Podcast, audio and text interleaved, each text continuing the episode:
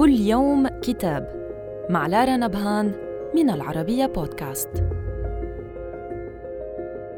نتناول اليوم كتاب الحاكم إذا استبد والشعب إذا انتفض للكاتب والصحفي فؤاد مطر. نرى فيه السودان تحت المجهر من زمن المجلس العسكري وقائده الجنرال إبراهيم عبود أي زمن السودان الخائر على نحو توصيف الكاتب للمراحل التي مرت على السودان وبعد السودان الخائر نراه يطلق على المرحلة التالية توصيف السودان الثائر. وصولاً إلى المرحلة الراهنة وهي السودان الحائر. وتوضح حالة الحيرة عبارة من الجهاد الميداني إلى الاجتهاد البرهاني أي اللقاء الصادم الذي تم في أوغندا بين الرئيس السيادي الفريق أول عبد الفتاح البرهان ورئيس الحكومة الإسرائيلية بنيامين نتنياهو.